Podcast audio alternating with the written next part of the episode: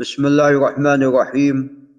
وبه نستعين نحمده عز وجل ونثني عليه الخير كله. نؤمن به ونتوكل عليه ونشكره على توالي نعمه وجميل ألطافه. ونسأله الزيادة من فضله.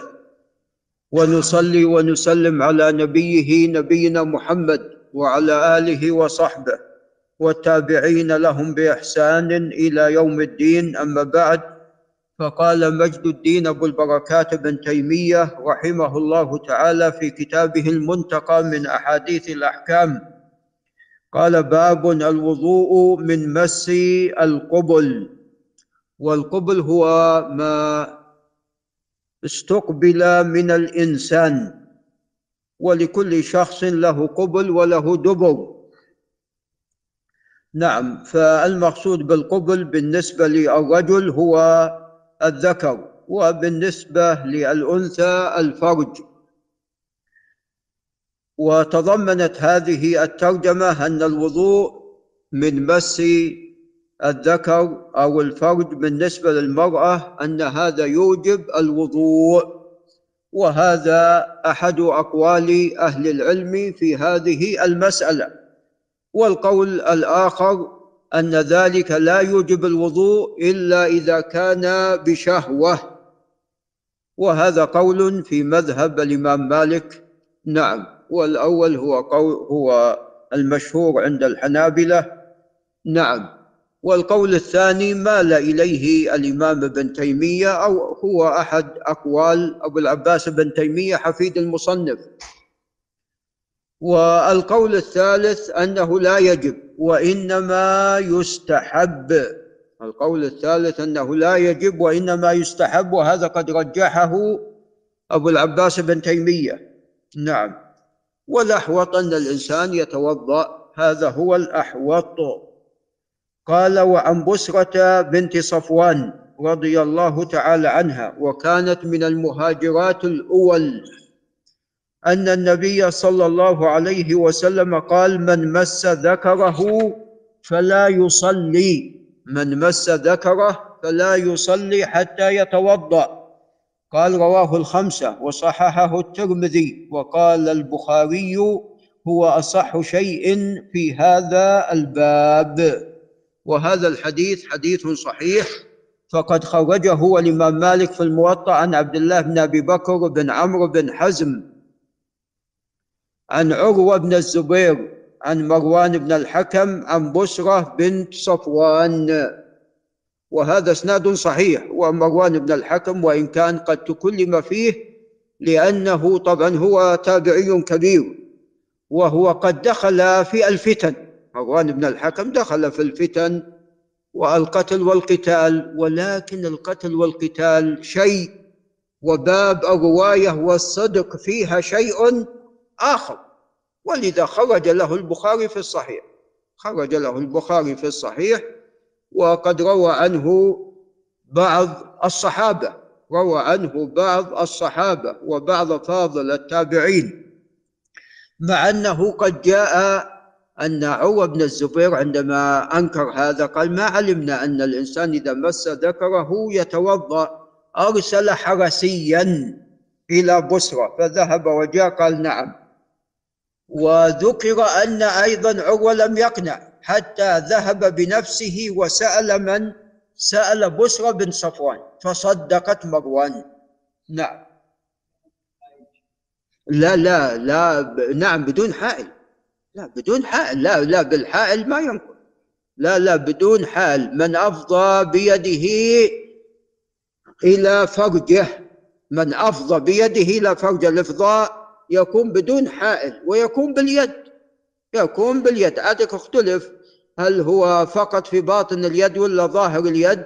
فذهب بعض أهل العلم في باطن اليد فقط وذهب بعض أهل العلم إلى أن اليد مطلقا سواء كان في باطنها أو في ظاهرها. نعم وأما بحائل فلا شك لا ينقض. قال وفي رواية لأحمد والنسائي عن بسرة أنها سمعت رسول الله صلى الله عليه وسلم يقول ويتوضأ من مس الذكر ويتوضأ من مس الذكر. قال المصنف وهذا يشمل ذكر نفسه وذكر غيره. وهذا عندما المرأة تغسل مثلا طفلها. نعم.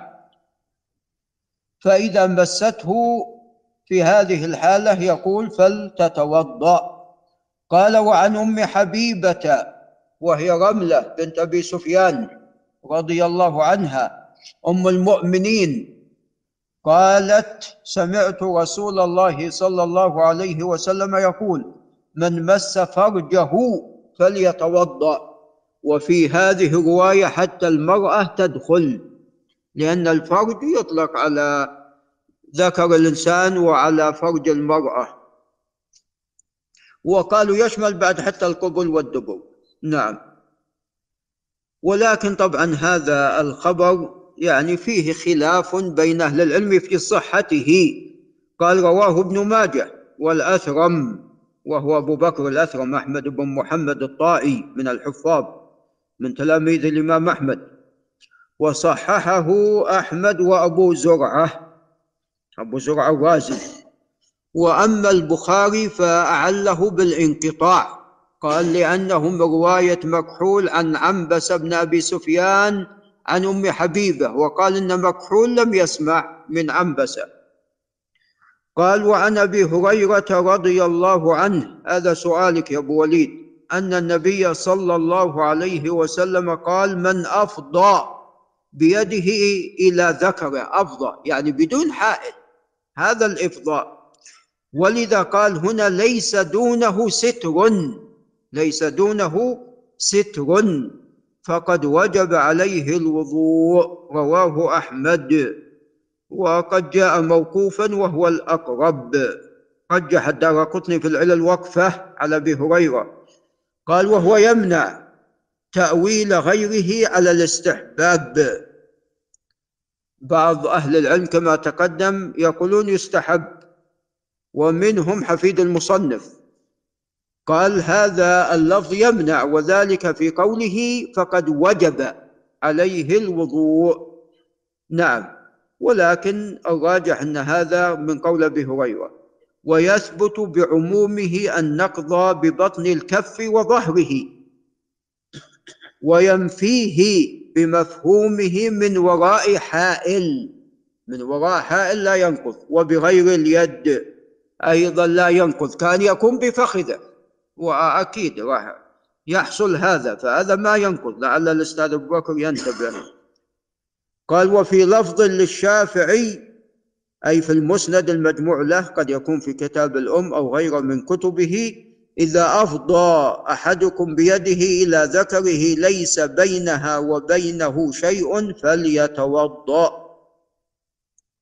قال وعن عمرو بن شعيب عن أبيه عن جده وعمرو بن شعيب هو بن محمد بن عبد الله بن عمرو بن العاص القرشي السهمي. عن أبيه شعيب بن محمد عن جده عبد الله بن عمرو عن النبي صلى الله عليه وسلم قال أيما رجل مس فرجه فليتوضأ وأيما امرأة مست فرجها فلتتوضأ. فالمرأة مثل الرجل. وقد نقل الترمذي عن البخاري قال عن حديث عبد الله بن عمرو قال هو عندي حديث صحيح وإسناده قوي. قال رواه أحمد. ولعل نقف عند هنا. فالأحوط الإنسان أن يتوضأ إذا مس فرجه. نعم وأنا أميل إلى الوجوب والله تعالى أعلم.